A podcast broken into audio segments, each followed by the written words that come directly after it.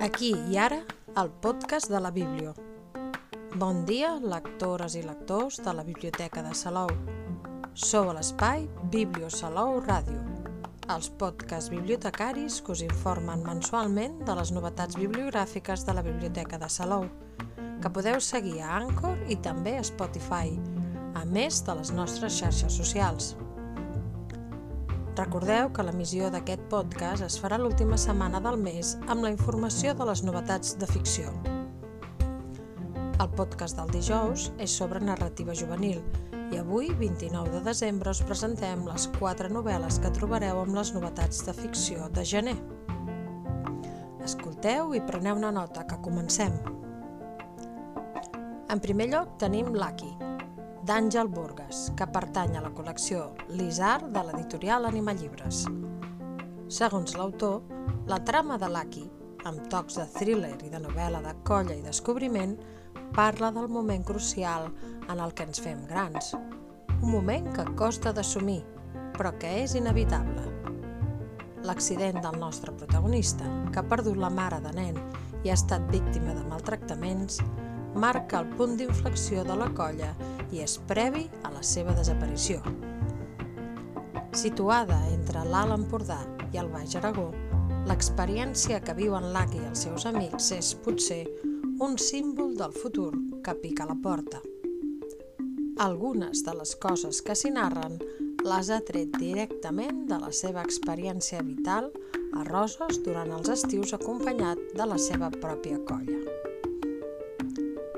Seguim amb La química de l'amor, d'Ali Hazelwood, una nova comèdia romàntica d'aquesta autora, situada a la NASA en la qual una científica es veu obligada a treballar en un projecte al costat del seu enemic, amb resultats explosius.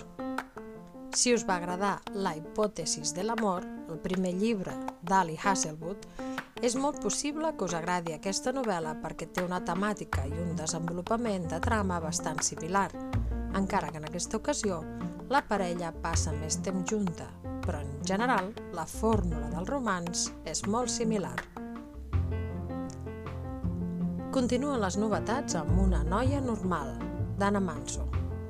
La Ruth té 15 anys, dos germans grans que li fan la vida impossible, un pare maniàtic, una mare xerraire compulsiva i dues amigues de l'ànima. I el Sami, el company de l'institut, que està penjat per ella.